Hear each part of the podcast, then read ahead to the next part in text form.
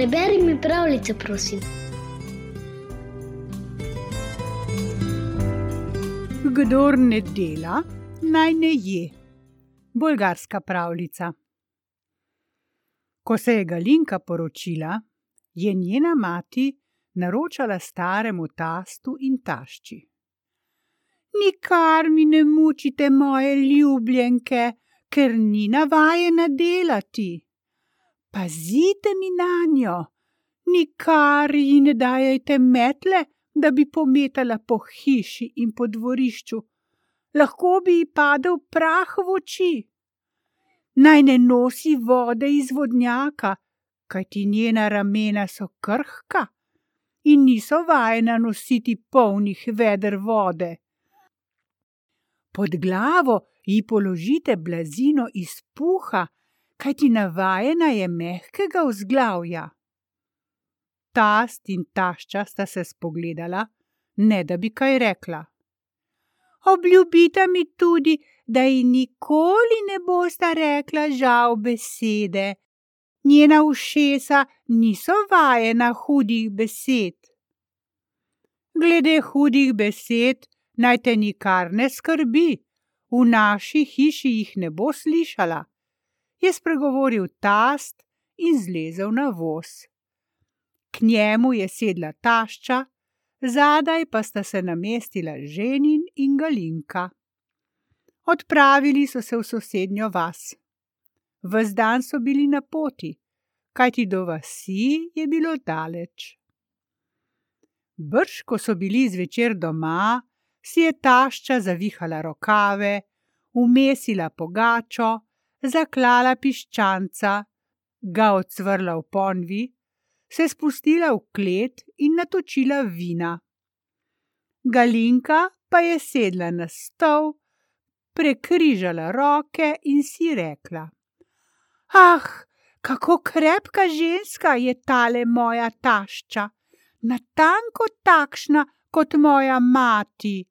Dobro se bo živelo v tej hiši. Imenitno so se navečerjali in se odpravili spat. Noč je prišla in odšla. Zjutraj je stari tast zgodaj vstal in je zbudil vse v hiši. Hej, je zaupil, vstanite, da bomo šli na nivo. Kaj bomo tam delali? je vprašala Galinka. Si pomencala zaspane oči in prijetno zazdehala. Koruzo bomo okopavali. Ali z motikami? je vprašala mamina ljubljenka. Kaj pa da, z motikami? se je oglasila tašča. Jaz ne grem. Zakaj ne? je vprašal ženin ker je motika težka, jaz pa ne smem dvigati težkih reči. Pustijo, je menil oče, naj pospravi po hiši in pripravi kaj za večerjo. Tudi to mora nekdo napraviti. Odšli so domači na nivo, snaha pa je ostala doma. Do povdneva je poležavala. Ko je vstala, je začutila, da je lačna in je začela iskati, kaj bi lahko pojedla, a v skledah ni našla ničesar.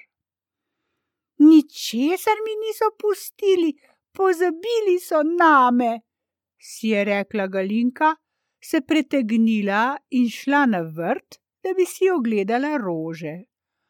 Ah, kako lepe rože, je vzkliknila, jih začela trgati in jih duhati. Čebelice so letale od cveta do cveta in veselo brenčale. Kam se jim neki tako mudi? je pomislila Galinka in je počasi stopila proti bližnji češnji. Legla je na trato pod drevesom, leže je stegnila roko, odtrgala nekaj češen, da bi si potolažila lakoto in je zazehala. Takoj je minil dan. Zvečer so se trije okopači vrnili utrujeni od dela, da so se komaj držali na nogah. Pogledali so okoli sebe in imeli so kaj videti. Po hiši ni nič pospravljeno, v vedrih ni vode, ognišče je ugaslo, kokoši so lačne zaspale. Tašča je izpustila motiko in je najprej zgrabila za vedra. Prinesla je vodo iz vodnjaka. Zakurila je ogenj, napolnila skledo s krompirjem in umesila bel kruh. Brž je pripravila večerjo. Galinka je sedela na stolu, zvonila z nogami in jo gledala.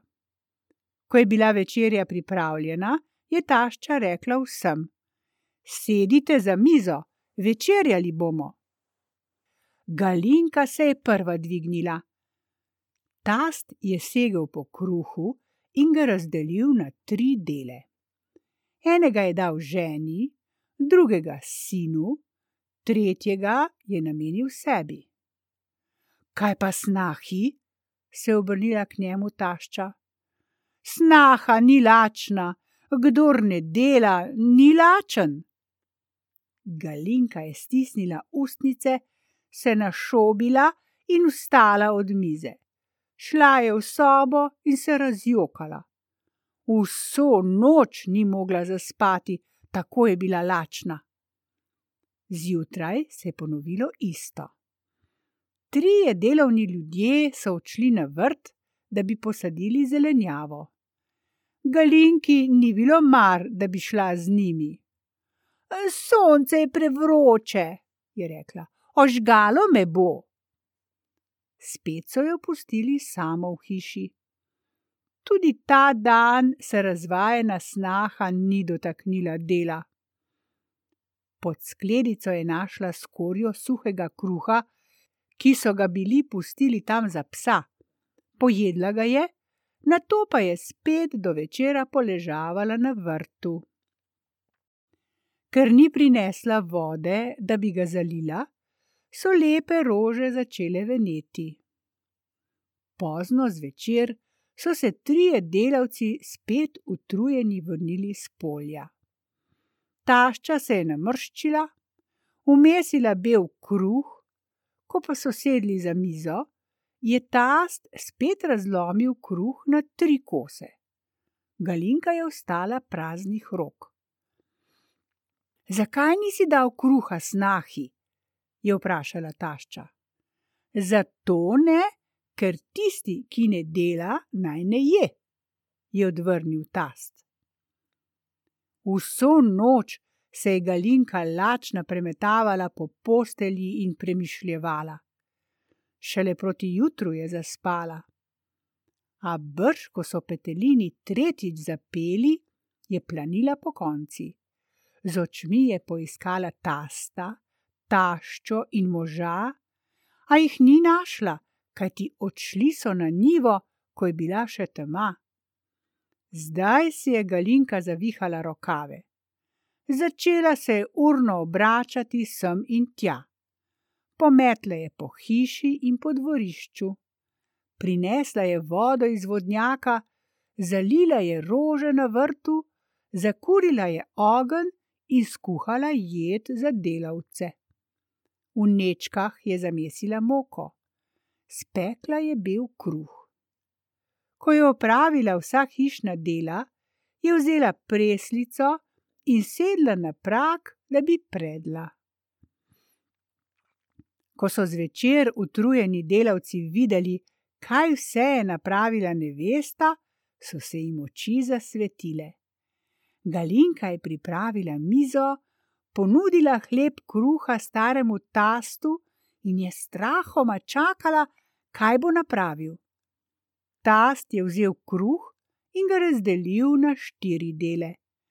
Največjega je ponudil Galinki in rekel: Jej, otrok, zaslužila si svoj kos, kajti danes si pridno delala. Galinka je vzela kos kruha in začela jesti. Nikoli še ni jedla tako sladkega kruha.